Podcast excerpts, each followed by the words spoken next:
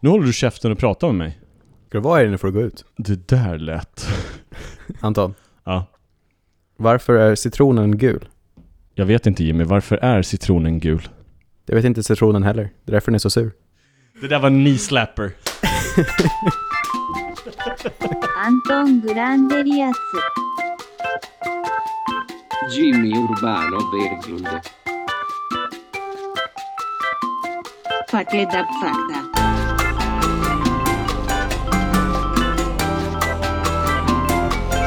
Fakta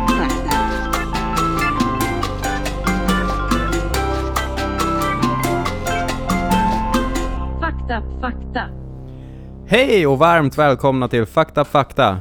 Podden där du lyssnar på mig, Jimmy, och... Anton! Vänta, vänta lite. Ah, Sådär, jag gick och hämtade vatten. Anton! Hej! Hur är det med dig idag Jimmy? Det är bra. Hur är det med dig? Ja, det är bra. Vet du, idag, har jag, idag har jag en historia att tala om för dig. Okej, vad har du gjort i veckan? Eh, just så här var det. Fakta Fakta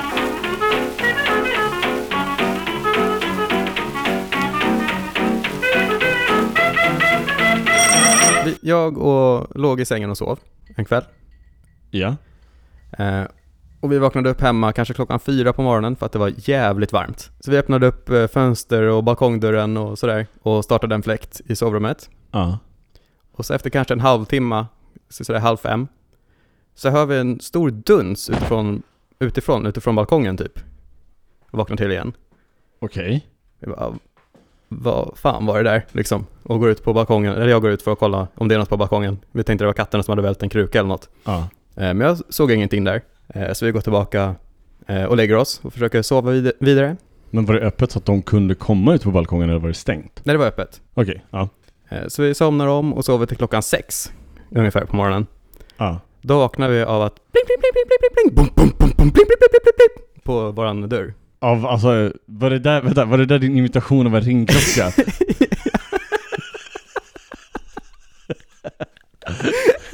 Okej, så det ringde på dörren? Ja, br- brutalt. Eller, liksom. eller var det laserskott? Ja, brutalt plingande på dörren. Okej, ja.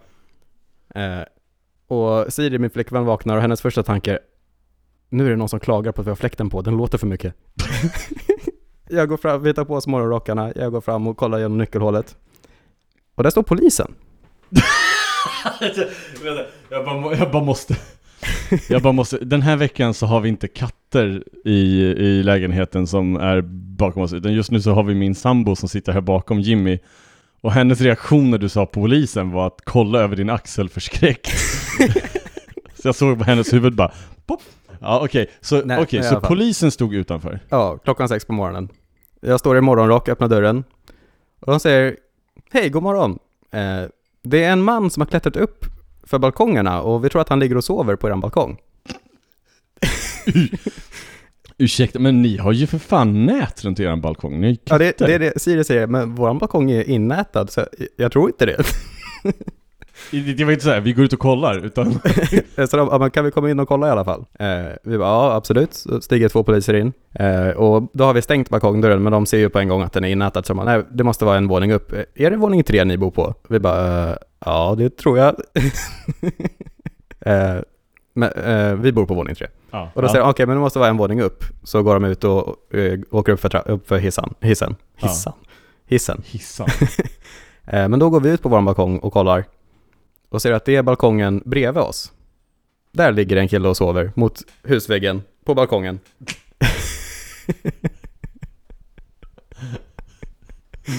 Eh, så vi går ut igen och ser att poliserna kommer ner till vår våning igen och vi säger att ja, vi, vi ser honom från vår balkong, vi är på balkongen bredvid. Vill ni komma och titta igen liksom?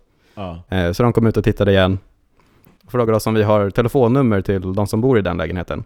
ja men vi hade inget, men det är de som vi haft lite problem med tidigare som vi har fått eh, klaga på för att de har stört. Eh, Och det, men det, var inte han, någon som bodde där som låg där, utan det var någon annan? Eh, vi, han verkar bo där, men han verkar inte ha någon nyckel, för han sitter ofta utanför porten eller innanför porten och väntar på att någon ska komma hem och släppa in honom typ.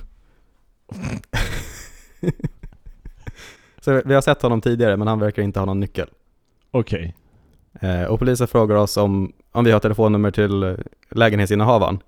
Ja. Eh, men, vi har ingen, men vi vet vad hon heter så vi lyckades googla fram ett nummer och gav till polisen. Ja. Eh, men de hade redan samma nummer och de, hon svarade inte på det numret. Så det dröjer ungefär en timme av att eh, vi lagar frukost, sitter och kollar ut från balkongfönstret. Jag vill bara än en gång. N- vilken tid var det här i morse sa du? Eh, inte i morse, det var i helgen, så ett Okej. par dagar sedan. Men Vilken tid var det? Eh, klockan sex knackade de på våran dörr. Okej. Nu är klockan kanske Så 20 det- över sex. Ah, okej. Vi sitter och har kokat kaffe. Eh, kollar ut genom, bak- det står en polis till nere på markplan och ser ifall han försöker klättra ut från balkongen igen. Ja. Eh, och de står alltså nu i ungefär en timme och då, deras dörr har ingen ringklocka för den är bortriven, så de står och bankar med batong på dörren. Vad är det här för människor? det är det vi undrar också. ja. Alltså de står med en batong och bankar på deras dörr, om vartannat, eh, hamrar, bankar. Eh, får inga svar, får inga svar på telefonnumret de har hittat fram och som vi har hittat fram. Men efter ungefär en timma eh, så ser vi att det står några andra på gården. Det verkar, vi hör någonting om stege, att det pratas om stege. Så det är brandkåren som kommer nu med en stege. Men herregud. Let då- the man sleep. Då börjar den här killen vakna till lite grann. Ser vi, han börjar röra på sig. Ja. Åh gud, och så ska man vakna upp till poliser och brandkår. Så de ställer upp en stege tre våningar upp Ja. till eh, fönstret bredvid balkongen. Där de ska bryta upp fönstret, ta sig in i lägenheten, öppna ytterdörren och öppna balkongen och föra honom genom lägenheten ut. Ja, det är deras okej. plan som vi hör att de pratar om. Ja men det låter ju smart. Alltså, Ja. Antar jag. Eh, så när brandkåren kommer upp till fönstret säger de eh, det skulle inte vara någon hemma va? Ja. Och säger nej, det, det, det, ska vara, det verkar vara tomt. Ja. Det ligger någon och sover här. så hon som bor i lägenheten har sovit i en timma när de bankar på hennes dörr med batong. Men herregud. Så de lyckas, eh, jag antar att hon vaknar med ett ansikte utanför fönstret på tredje våningen.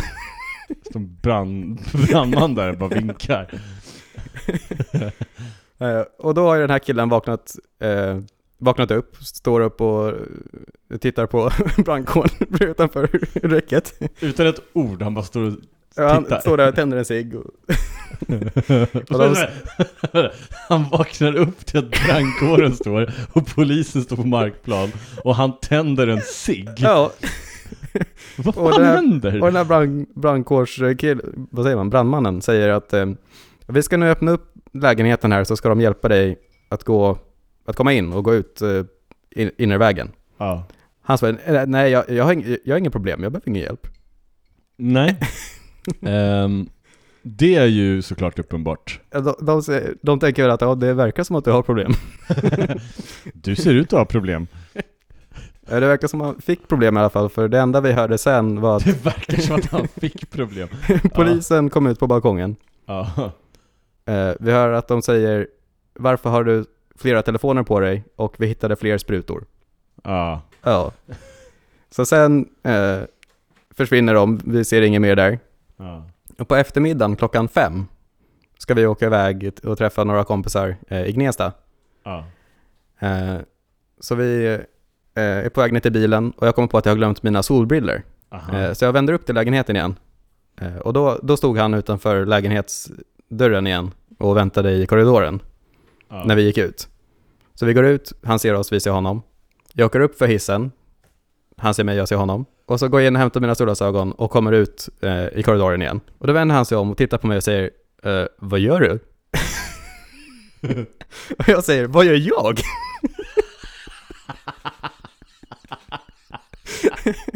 Han bara, ja, försöker du se vad jag gör eller? Jag bara, eh, jag hämtar mina solglasögon.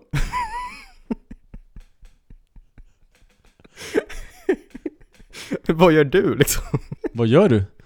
Vad jag gör? Ja, jag hämtar mina solglasögon. Jag, jag sitter inte och knarkar på en balkong. jag bor här. Jag bor här. Så det, det var min helg. Den första kvällen på jag vet inte hur länge som katterna faktiskt sover en hel natt för att vara så varmt. är det polisen som väcker oss istället? Det var nog första gången som jag frågat vad du har gjort och svaret har inte varit ingenting. Du, du gick ifrån ingenting till väckt av polisen på grund av junkiegrannar. Fucked up.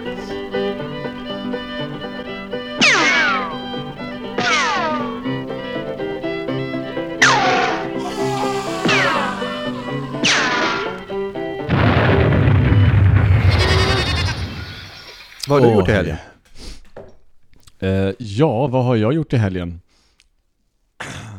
inte ett jävla skit, nej. Ehm, jag har... ehm, oj, vilken jävla blick jag fick på en gång.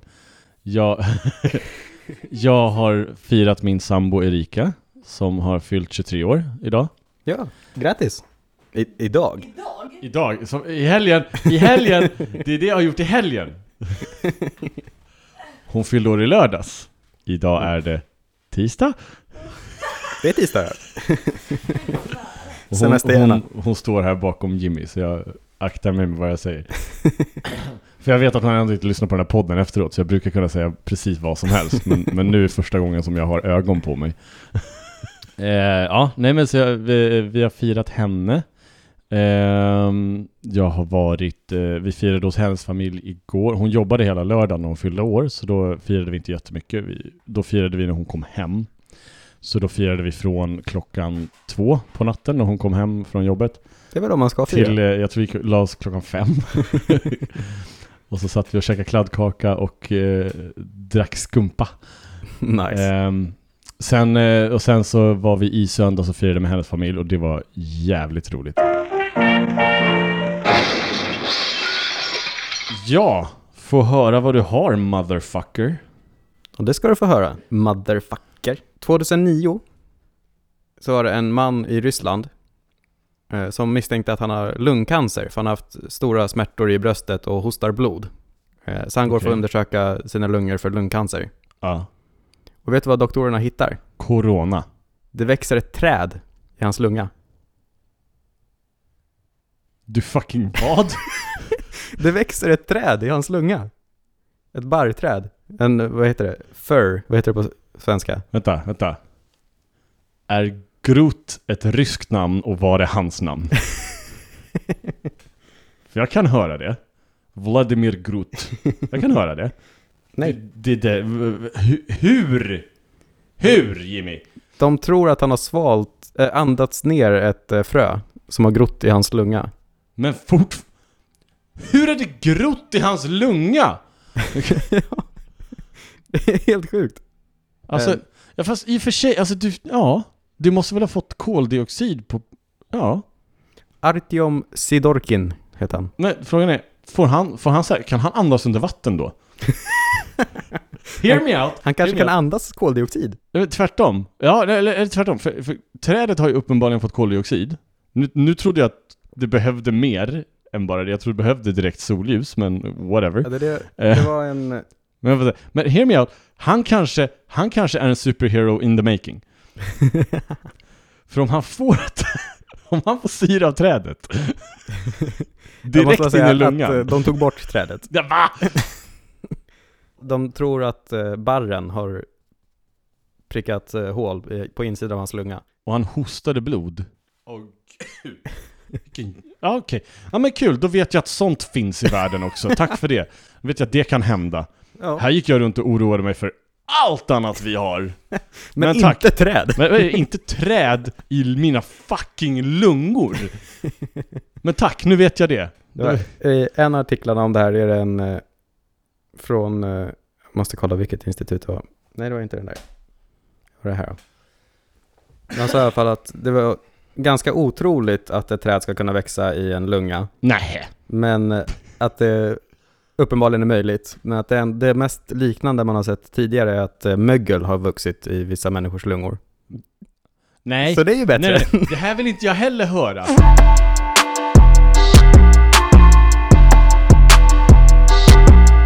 Det Jag har läst en den där flera gånger kanske än vad du har gjort. Så vad har du att komma med då? Eh, ja, eh, brandmän använder vått vatten. Ja. Nej, nej men bra- brandmän använder, eh, de använder en viss kemisk lösning för att få vatten våtare. Okej. Det, det Ja. vattnet som brandmän använder kallas för wet water. As opposed to water.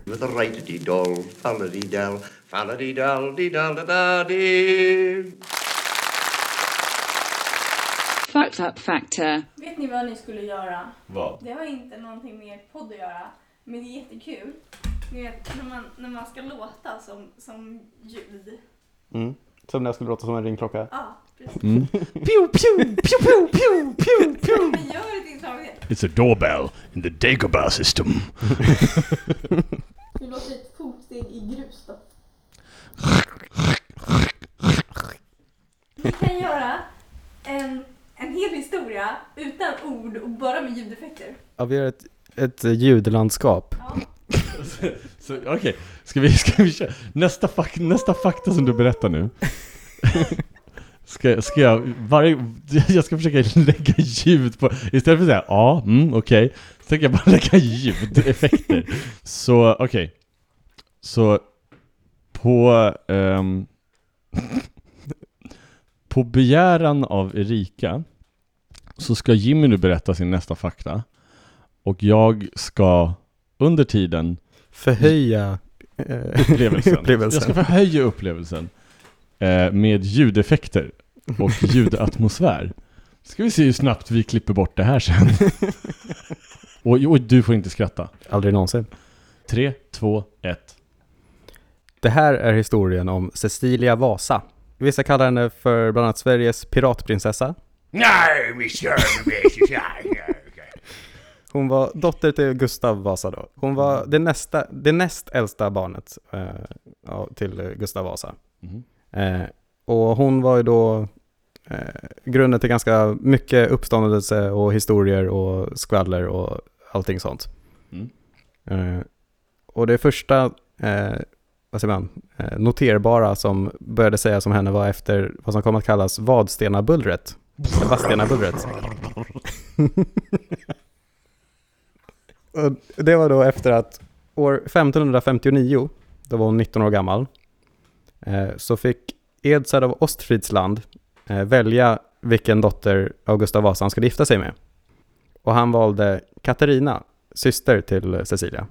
Eh, och då slogs det på ett väldigt stort bekostat bröllop. Det sägs att de hade fester i en vecka innan bröllopet minst. Eh, Gustav Vasa klagade på att vinet i Stockholm tar slut. Varför tar vinet slut? Eh, och, eh, och under de här festligheterna var även Eriks eh, bror Johan med, som lärde känna Cecilia. Och när det då var dags för eh, Katarina och Erik att åka iväg hem till eh, Eriks land, eh, vad heter det, hans marker där han bodde, eh, så övertalade Cecilia pappa Gustav att få följa med. Eh, så de drar på en, eh, ett stort sällskap, drar med eh, hertigen och eh, prinsessan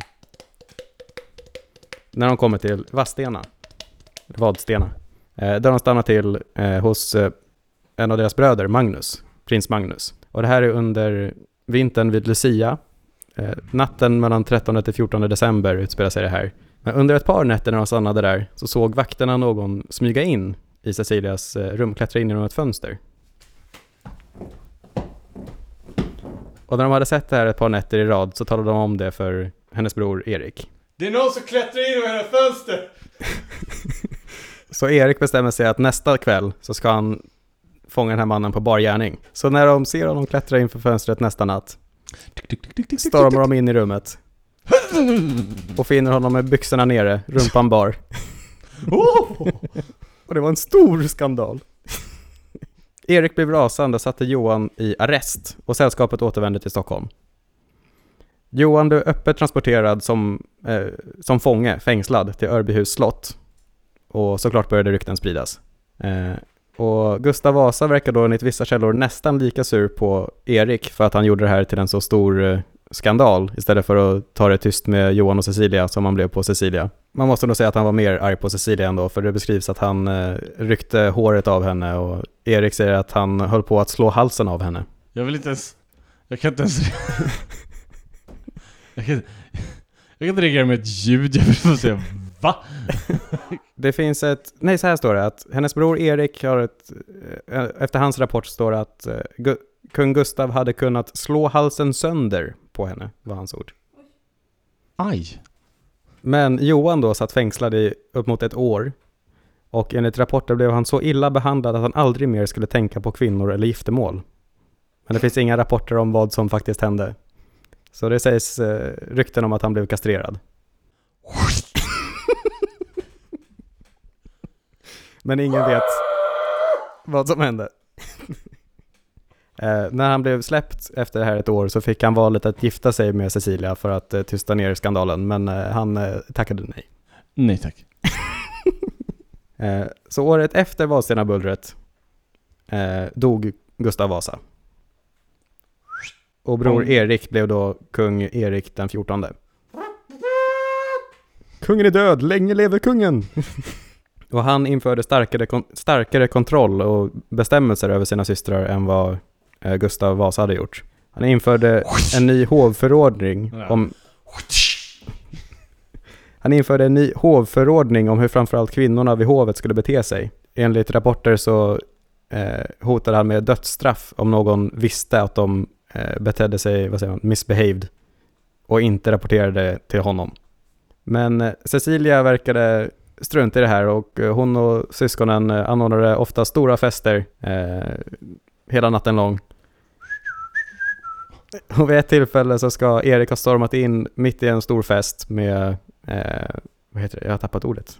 Spelmän var där och spelade musik och det var en stor fest. Eh, och rasande skickade den ut alla eh, gäster och skrek på eh, sina syskon.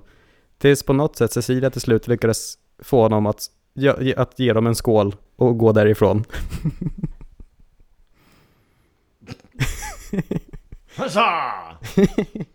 Men under den här tiden så började hon eh, bli väldigt imponerad av eh, drottning Elisabeth, den första i England.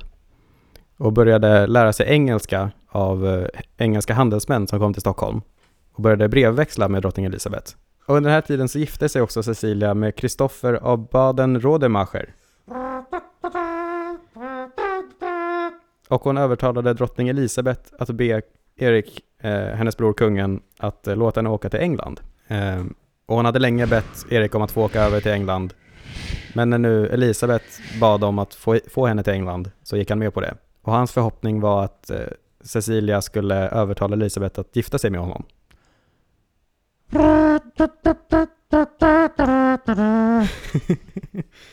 Så Cecilia och hennes man Kristoffer åker till eh, England. Och eh, tyvärr är de eh, ganska fattiga vid det här laget, så de eh, lever mycket på lånade pengar. Och de lever ungefär ett år med drottning Elisabeth i England. Stort eh, påkostat, de ska se ut som kungligheter. Eh, så de bygger upp ganska stora skulder. Och Klirr, klirr, klirr, klirr. de måste låna pengar av bland annat engelsmän, men Cecilia skickar hem sin, sin man till kontinenten så han får åka runt och leta efter, pengar, efter folk som kan låna pengar till dem. Hej, hej, tack, tack, snälla, snälla. hej, hej. Och när de kom till England verkar det som att eh, Cecilia och Elisabeth blev väldigt goda vänner, för Elisabeth var den som namngav eh, den son som Cecilia födde i England. Mhm. Han blev döpt till Edward Fortunatus.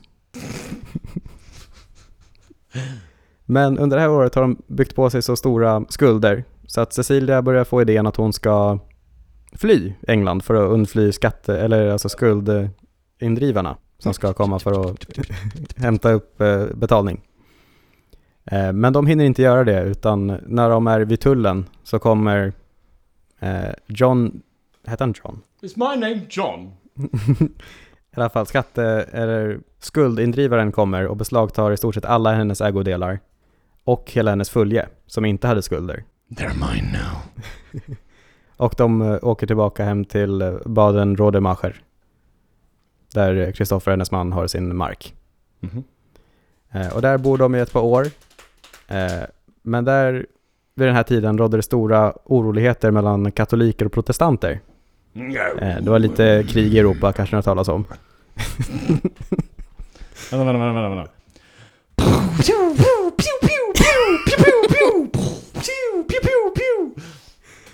Så Cecilia och Kristoffer skriver till eh, svenska kungen och ber om att eh, få komma hem till Sverige.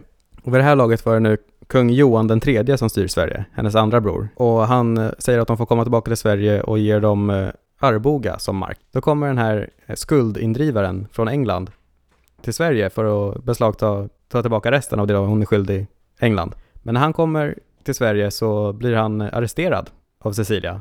Och han, hans 50 skepp han kom med blir beslagtagna av eh, kung Johan. Eh, och eh, oklart om det är av de här skeppen eller bara, men under den här tiden, hon får då två skepp av kungen. För att, och eh, så får hon kaparbrev för att börja kapa engelska eh, handelsskepp. Så det är alltså här hon blir pirat. Så hon får kaparbrev, får uppdrag av svenska kronan att eh, pirata helt enkelt mot engelska skepp som handlar med Ryssland. För Sverige är i krig med, med Ryssland här. Eh, men förutom engelska skepp, det var även tyska och franska skepp tror jag var som var okej att eh, kapa. Men hon började även attackera till exempel danska skepp som eh, inte var okej. Så hon tar för sig lite för mycket helt enkelt enligt eh, svenska kungen. Eh, Så hon blir eh, till slut eh, arresterad. Eh, och, men hon hävdar, hon slipper undan den här genom att hon säger att eh, eftersom att hon är markgrevinna i eh, Baden-Rodemacher också så är hon inte kung Johans undersåte utan hon är kejsarens undersåte. Mhm. Och på grund av de hävdingarna så får hon inget straff utan hon får typ betala tillbaka det hon var skyldig från det hon beslagtog från danska skeppet och sen får hon fortsätta pirata. Hur var det en rimlig... Va? Jag har dubbel medborgarskap, jag gör vad fan jag vill. Och eh, hennes man har under den här tiden medan hon var piratkapten eh, fått åka runt kontinenten och leta legoknektar till svenska armén. Eh, för att driva, för att, ja, vi behöver förstärkningar helt enkelt. Mm. Och under sina resor på kontinenten så blir han eh, mördad, han dör. Mhm. Och deras son är fortfarande omyndig. Så enligt alla papper som finns är nu Cecilia grevinnan av hans marker, Baden-Rodemacher. Mm. Men hans familj eh, där skiter i det och bränner upp dokumenten som dokumenterar det och säger att det är de som är her- eh, grevar där.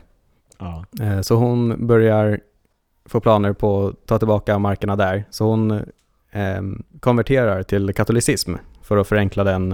Eh, de som har marken där nu är katoliker, inte protestanter. Så hon Mm. blir katolik för att ta över markerna där. Enklare. Och eh, hon med hjälp av en eh, eh, spansk eh, vad heter det, diplomat eh, som var på besök i Sverige. Eh, hon gör upp en plan att hon ska hjälpa Spanien i Nederländ, det nederländska kriget och skicka deras, göra transporter åt dem med sina skepp. Och det gillar inte kung Johan. så hon blir landsförvisad Ja. och med hjälp av, hon flyttar till sin döde mans eh, marker, flyttar in där i Baden-Rodemacher Mm. eh, tillsammans med den här eh, spanjoren och får en dotter som väcker lite uppmärksamhet eftersom hennes man vid det här laget har varit död i fyra år. Så det är antagligen spanjoren då som är far till det här barnet. Va? Nej. Det var säkert en så här, jungfrufödsel. Den dottern blev beslagtagen av de katolska släktingarna i Tyskland och satt på ett kloster. Och eh, vid det här laget så börjar hon igen Eh, eh, hon levde slutet av livet i Europa där hon nästan ständigt var på resande fot och sökt på jakt efter pengar. Eh, vid 78 års ålder var hon jagad av, eh, av eh, skuldindrivare igen. Hoppar av en kärra, en hästkärra i farten över ett dike för att undfly skatteindrivarna. 78 år gammal. Vilken badass jävla... Och till slut den 27 januari 1607, 1627 eh, gick hon bort. Var då den sista av Gustav Vasas barn vid livet. Hon var den som levde längst. 1627. Hon var född 1540. Så 87 år gammal. Oj jävlar. Ascool. Svenska kungligheternas rockstar eller någonting sånt. Verkligen, hon verkar inte ha något... känns inte som att hon har något konsekvenstänk alls. Hon känns ju som en kvinnlig Jack Sparrow. ja, precis. Som bara har glidit med och sen alltid klarat sig. Åker till England, och lever på lånade pengar och blir utkastad. ja, men verkligen. Hon var pirat. ja. Nu till något helt annat.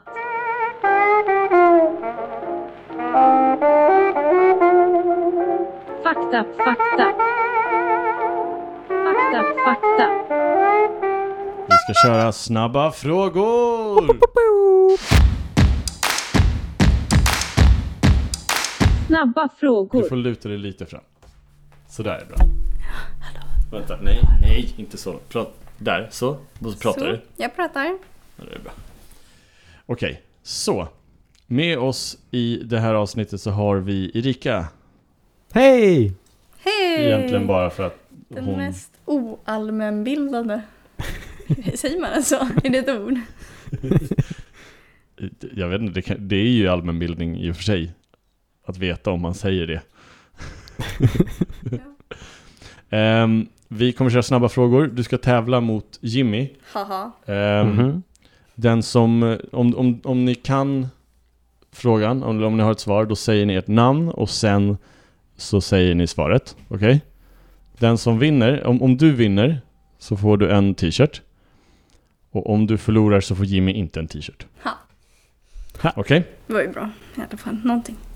Sluta spela Pokémon Go samtidigt. Jag gömmer din telefon nu. Ja, Okej. Så, okej? Är du med? Mm. Ehm, vilken europeisk huvudstad är skild från Helsingfors av Finska viken? Stockholm. Du ska säga ditt namn först. Erika. Ja. Får man gissa flera gånger? Nej. Finska viken. Det är ju högt uppe i eh, Luleå. Kanske. Du tänker på Höga Kusten kanske? Jag vet inte. Finska viken är den som ligger under Helsingfors. Jaha, fan. Så det är Tallinn, är rätt svar. Helt Men får fel! inte han gissa nu då? Efter Nej, du, du gissade ju. Då kan jag göra så att han inte får några poäng alls genom att bara gissa fel. Säga mitt namn direkt. Men då kommer ingen få någonting. Då förlorar inte jag. Okej, det där var fråga ett av sex. Mm.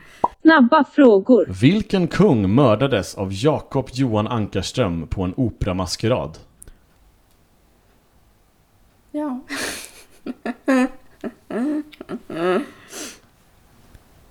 Jag kommer inte ihåg vad han heter. Det Nej, är jag någon minns inte vilken kung det var. Erik. Okej, så Erik det blir walkover på den där. Ja, det var fråga två av sex. Inga poäng hittills till någon. Kan vi föra vilken kung det var? Gustav den tredje. Gustav den Nej tredje. fan, jag skulle gissa på Gustav istället. 90. Okej. Snabba frågor. I vilken roman av Stephen King förekommer den onda clownen Snåljåp? Jimmy. Ja, Det. det är helt korrekt. Heter den snåljåp på svenska? Ja, Ja. Pe- Pennywise. Vad gulligt. Snabba frågor. Vad är namnet på både en realityserie och diktatorn i George Orwells roman 1984? Jimmy. Jimmy? Big Brother. Det är helt korrekt. Mm. Step up your game nu Erika! Snabba frågor. Okej, nu, nu räknar jag med dig. Tror inte att ni har en tröja än så att det... Vilken episk hjälte dödade monstret Grendel? Jimmy. Räknar du med mig? Jimmy, Beowulf. det är helt rätt. Jag berättade Skulle om... jag? Men jag, berättade inte om det här för dig för en vecka sedan. Snabba frågor. Vad är lämpligast att bära på en fest med klädkod smoking? Klänning och handskar? Bomullsklänning?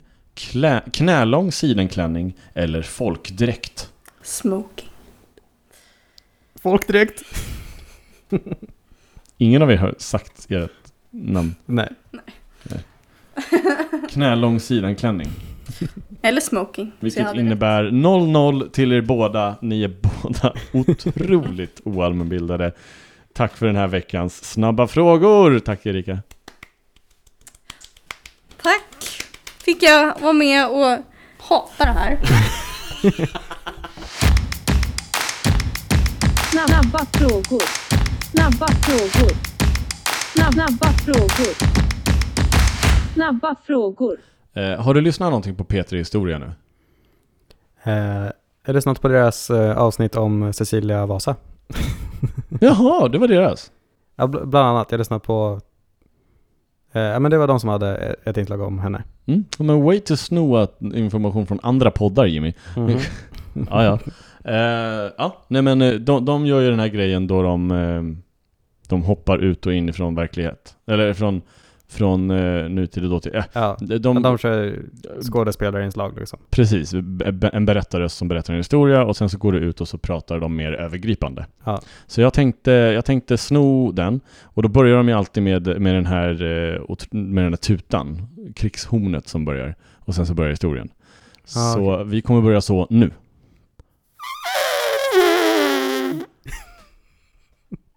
Var det en elefant? Det var krigshorn. Ja, okej.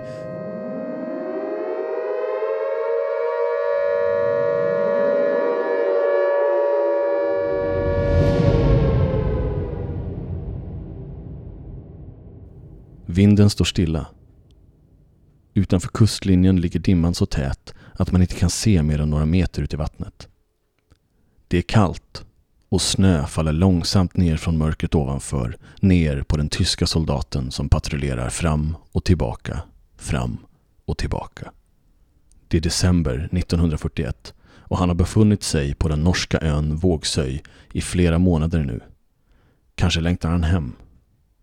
Kanske tänker han på den varma sommaren hemma i Frankfurt när han plötsligt hör det. Det där underliga ljudet. Det kommer från havet. Från mörkret och dimman. Det låter som musik. Nej, inte som musik. Som ett bröl. Fast i någon sorts glad melodi. Det låter som en... Som en säckpipa. Ut ur dimman kommer det en båt. Och i fören står det en man. Mannen kastar iväg säckpipan som han mycket riktigt håller i, skriker med full kraft Commando! Innan han kastar iväg en granat in mot land och hoppar av farkosten. Den tyska soldaten riktar sin k-pist mot mannen, men mannen verkar inte ha något skjutvapen. Istället drar mannen ett fucking bredsvärd och rusar i full fart emot den tyska soldaten som aldrig igen fick se sommaren i Frankfurt.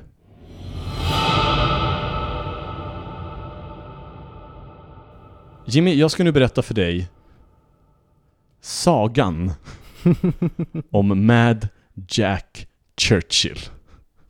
Yes. Eh, Mad Jack Churchill eh, utsågs av eh, The Royal Norwegian Explorers Club. Eller på norska, Den Kunglige Norske Upptäckareklubben. Fan vet jag, jag vet inte vad, jag vet inte vad de säger. Jag, jag bryr mig inte. Jag vet inte vad de säger. Eh, han utsågs av dem eh, i en bok som släpptes 2014 som en av de största äventyrarna någonsin. Mhm. Ehm, vi vet inte så mycket om hans ungdom. Det som man vet säkert är att han tog examen från Kungliga Militära Akademin i Sandhurst 1926. Då var han 20 år gammal. Eh, han skeppades direkt till Burma och eh, där åkte han motorcykel runt i området Ja. Och var väl mest trött på fredstiden. Ehm, han lämnade armén 1936 och åkte istället till Nairobi. Där blev han tidningsredaktör, manlig modell och eh, han var också statist och stuntman i filmen Thief in Baghdad. Där han bland annat spelade med säckpipa och sköt med pilbåge. eh, när han var tillbaka i England, så 1938, så vann han en militär säckpipetävling. Vilket var en ganska stor kontrovers då han var engelsman och han slog väldigt många skottar. Ja. Eh, han tävlade också åt Storbritannien i pilbågsskytte i världsmästerska- världsmästerskapen i Oslo 1939. 1939. Ja. Ni- 1939 så bröt kriget ut. Eh, och så fort som Polen invaderades så eh, hoppade han tillbaka in i armén. Ehm, han var i Dunkirk och eh, använde gerillataktiker för att slåss emot eh, tyskarna bakom deras linjer. Där drog han först ut pilbågen, redan i Dunkirk. Eh, han var den första och enda eh, som dödade någon med en pilbåge under andra världskriget. Eh, nästa år eh, så gick han frivilligt med i det nyskapade British Commandos som eh, gjorde attacker emot tysk-ockuperade Norge tillsammans med norska motståndsmän. Mm. Ehm, och där, där kom vi då den här historien som jag berätt, började berätta om där när han eh, när de gjorde attacken mot Vågsöj eh, emot Vågsöj i Norge mot tyskarna. Som han, då, då han då, när de åkte på båten så spelade han March of the Cameron Men på en säckpipa, slängde iväg en granat, skrek commando och sen rusade emot eh, tyskarna skrikandes med ett svärd och ingenting mer. Han, eh, han gjorde detta utan en skråma. Men eh, efter den här striden så eh, var britternas, demoli demolition, britternas demolitionsexpert råkade detonera en bombladdning bredvid Jack. Jack stod vid tillfället och drack en flaska vin som sprängdes och skickade glasbitar in i pannan på honom. Men efter bara några veckor så var han på fötter igen och rusade tillbaka in i striden. Eh, 1943, när amerikanerna gick med i kriget, så följde Madjack omedelbart med när man skulle inta Italien. Eh, en av nätterna så smög han ut med en korpral för att med endast sitt svärd smyga mellan tyska vaktposter och ta fångar. Vid Ja. nattens slut så kom de två tillbaka med 42 tyska fångar. 1944 så skickades Churchill till Jugoslavien.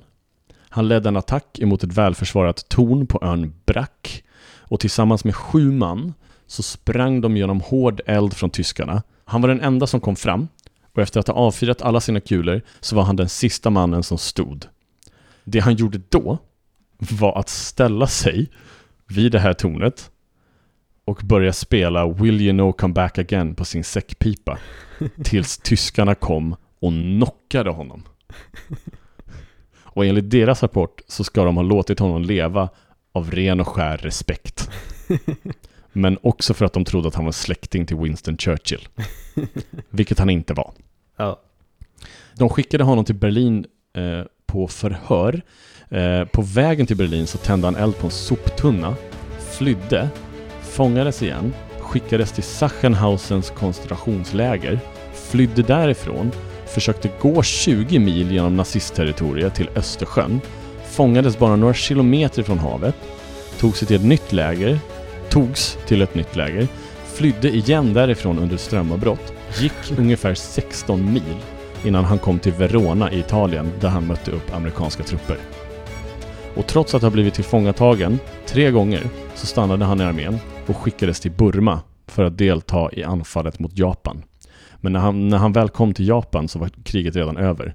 Och det är någonting som han ska ha varit väldigt besviken över. Och ett av hans mest kända citat, som är också ett av de mörkaste, eh, och tar oss lite längre in i förmodligen den här psykopatin, eh, hinten av det. If it wasn't for those damn Yanks, we could have kept the war going for another 10 years. ja, det är ju ett sätt att se på saken. Mm. En, av, en av hans andra citat är Any officer who goes into war without his sword is improperly dressed. Ehm, ja, Eh, vi- jag vill ju också berätta lite om vad som hände efter kriget. Det här var ju det som hände under kriget. Mm. Ehm, och eh, det, här, det är lite som man har diskuterat här. Det finns lite diskussioner kring varför han gjorde de här sakerna. Det är eh, lite semi-suicidal måste han ha varit. Alltså det är Ja. inget snack om saken. Obviously gjorde sig förtjänt av namnet Mad Jack Churchill. Ehm, och det, det- man, många har också tagit upp det faktum att han använde en pilbåge och tänkt att det kan vara en bra sak för smidighet. Men han verkar inte så värst smidig av sig. Vilk, ja, det funkar inte. För, för till att börja med, han använde en långbåge som Mm. är otroligt krångliga. Det är ingenting som du smyger med vanligtvis. Nej. Eh, och han eh, hade tendensen att alltid skrika commando Commando! innan han gjorde någonting. Och spela säckpipa. Och spela säckpipa för att visa precis vart han var. Så han använde det inte för att smyga, förutom det där tillfället vid Italien. Men då hade han inte ens pilbågen med sig, då hade han ett svärd. Ja. Och då använde han ett svärd emot 42 fångar. Vilket också är ett citat. Också en av de här badass swagger-citaten han har haft. Ehm, det, det, det är så otroligt mycket swagger. Eh, vi ska se. Här står det.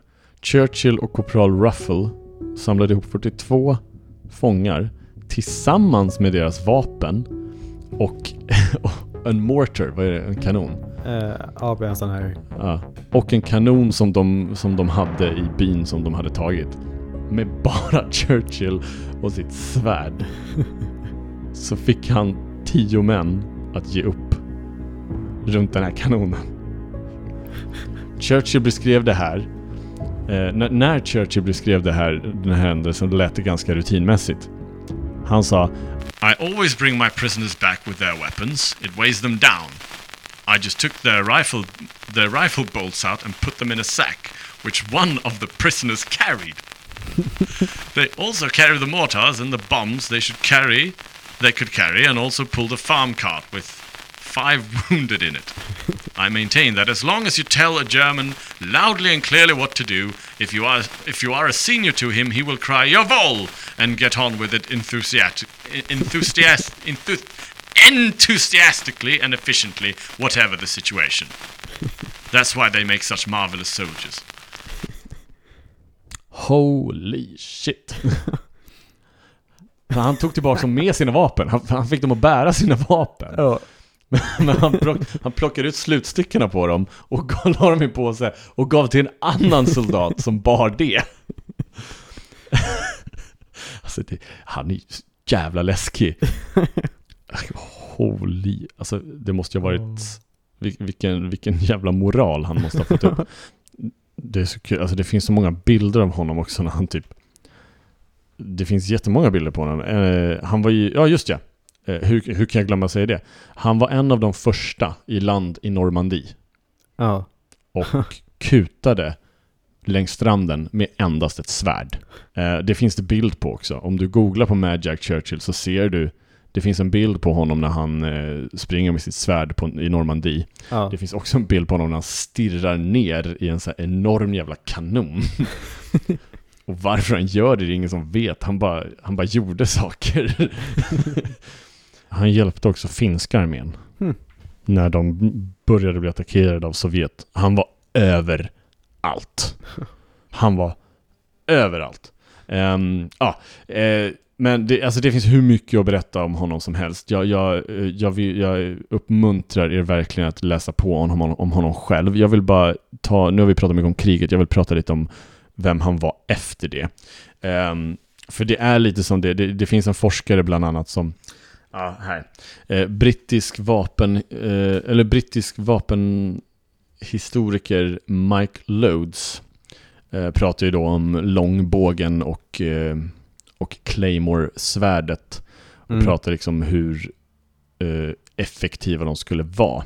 Och han säger ju då det att de skulle vara otroligt effektiva under rätt omständigheter.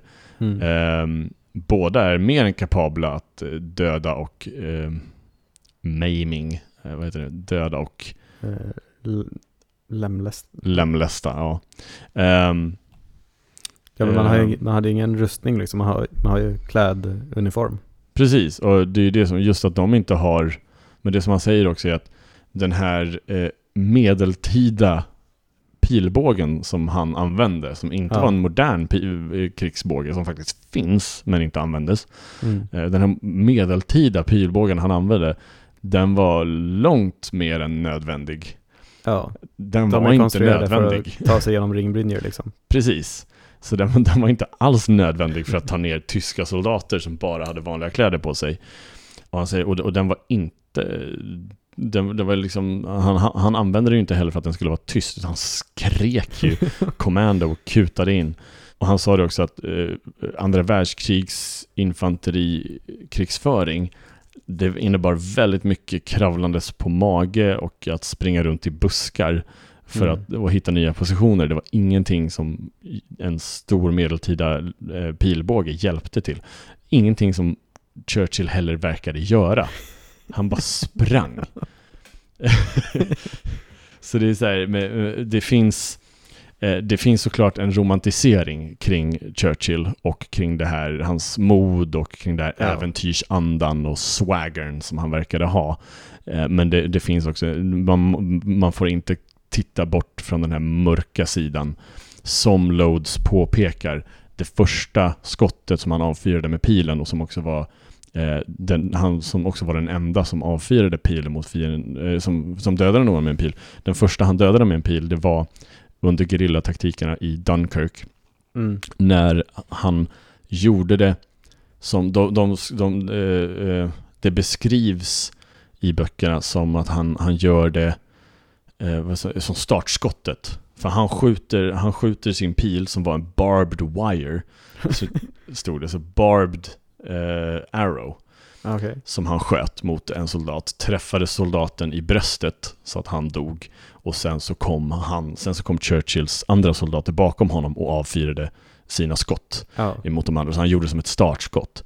Eh, men som Loads påpekar att eh, det fanns ingenting effektivt i det här, utan han skrek också commando. Det här var liksom, det var nog snarare att vilja se hur det är att faktiskt döda någon med en pilbåge. Ja. Snarare att vilja utforska det än att göra det av någon som helst Nytta.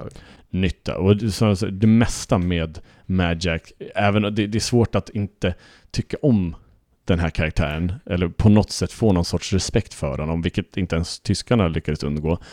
ehm, på sättet som han var. Men, men det är ju just för att han gjorde saker, det verkar som att han gjorde saker för att testa, av nyfikenhet, av mer äventyrskänslan. Och det är ju ganska sjuk sak att göra när det gäller människoliv. Ja. Han gjorde saker för att testa. För att han kunde, inte för att han behövde. Ja. Ehm, så det finns definitivt någon, alltså det, någon, det finns en mörkare del av det som man Mm. inte får glömma bort. Nej. Som är lite obehaglig. Men, men, men, eh, men som det också står, om det var så att det fanns eh, en, en psykopati, eller om det, om det fanns psykopatiska drag kring Churchill under kriget, så var det i så fall någonting han höll väldigt slutet efter kriget Mm. direkt efter kriget så eh, för det, eh, han var, alla beskriver, hans egen son beskriver honom som väldigt blyg och väldigt ödmjuk. Eh, han diskuterade aldrig, eller pratade aldrig om sina krigshistorier såvida ingen tog upp dem. Mm. Det står att om, han, om någon tog upp dem så var han mer än glad att dela med sig, men han, han, det var ingenting som han gick runt och skröt eller pratade om. Ja, direkt efter kriget så gled han runt. Han hoppade från äventyr till äventyr, eh, dök upp eh, i Burma igen, eh, där han Mm. var efter att kriget tog slut, under 40-talet, eh, och tränade för att bli fallskärmshoppare. Mm. Han Han ny, hans nya in, eh, äventyr innebar mycket mindre blod. Men vissa av dem helt rakt ut eh, icke-våldsam, icke-våldsamt hjältemod. Han, eh, något av det största han har gjort var att han flyttade till Palestina för att hjälpa och, flytt, eh, och skydda en medicinsk konvoj som evakuerade eh, och där evakuerade han också, det, det, var, det var ett massmord Mm. eh, i slutet av 40-talet på den här medicinska konvojen i Palestina där över 78 tror jag judar blev mördade. Eh, men mitt i den så räddade han livet på över 500 judar som han lyckades evakuera från Ja. ett av de här sjukhusen. Mm. Eh, och då var han second in command. Eh, så han, han har enhälligt fått den eh, fått- credden för att ha räddat då 500 människor Ja. under det här massmordet. Ehm, han eh, såg till att vara, han, han var fortfarande aktiv runt eh, formationen av Israel. Eh, han, han höll sig borta ifrån strider eh, helt och hållet. Han flyttade till Australien där han betalade eh, där han betalade sina räkningar som en land och luftkrigsföringsinstruktör. eh, men spenderade mesta tiden att lära sig att surfa.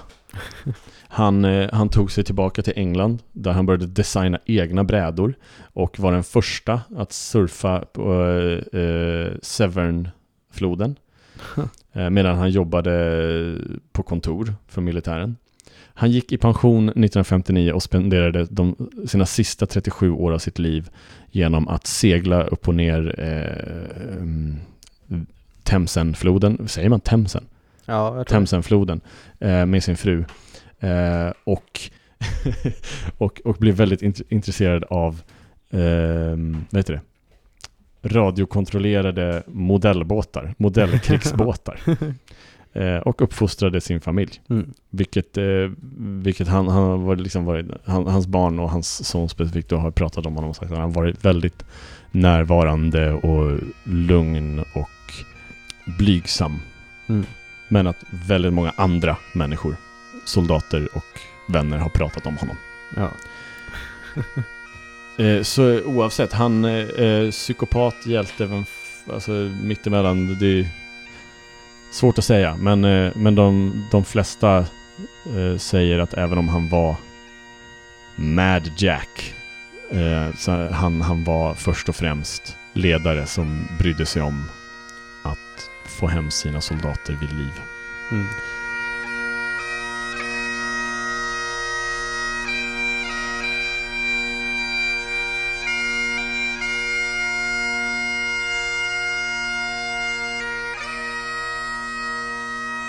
otroligt eh, märklig och eh, häftig människa, vad man än, vad man Ja. än säger. Vil- Vilken sida, Intressant att lyssna om. ja, vilken sida av det här myntet man än går på, så otroligt jävla intressant. En lustig prick helt enkelt. En lustig prick. Det var det jag hade att säga om Mad Jack Churchill. Det finns mycket mer att säga om honom, men jag... Eh, men det här är det jag har, som jag kan säga. Det här är det jag kan komma med, det här avsnittet. Ja. Ehm, vill du veta mer om Jack Churchill, gå, eh, det är bara en googling bort. Herregud, det är 2020, det finns internet. Jobba lite för fan, sluta, sluta lägga allting på oss. Ehm, ja, nej men, eh, eller mejla in till uh, faktapfakta, uh, till fufakta.gmail.com om det, är något mer, om, om det är något mer du vill veta eller om det är så att du har någonting som du vill rätta oss med. Det kan absolut vara så att jag har haft fel på vissa punkter. Mm. Eller om det är Så- någonting du vill att vi ska ta upp. Eller om det finns något annat ni vill att vi ska ta upp också. Så det är bara mejla in. Yes. Ja. Mm. Och annars kan ni hålla koll på alla sociala medier. Ja. Det där var allt vi hade för den här veckan. Tack för att du har lyssnat på oss. Eh, Lyssna har- igen nästa vecka. Lyssna gärna igen nästa vecka. Vi ses då. Det här har varit avsnitt 21 och det har varit avsnitt eh, någonting av den här säsongen. Ingen Fem. aning. Avsnitt 5? Nej, fyra. Fyra. Fyra. Avsnitt fyra, säkert. Ehm, avsnitt fyra har det här varit av säsong Mm. två av Fakta på Fakta. Du kan eh, se oss på Facebook. Facebook, Där heter vi Fakta på Fakta. yes. Du kan se oss på Instagram. Instagram, Där heter vi Fakta på Fakta. Fakta på Fakta. Du kan se oss på TikTok. Där heter vi Fakt Up Fakta med A. Så F-A-C-K-E-D. UP. Facked Up Fakta. Ja. Så det är bara A i början där som jag använder. Skitsamma. Om du använder Twitter finns vi där. Twitter har vi. Hej! Bye! Bye! Det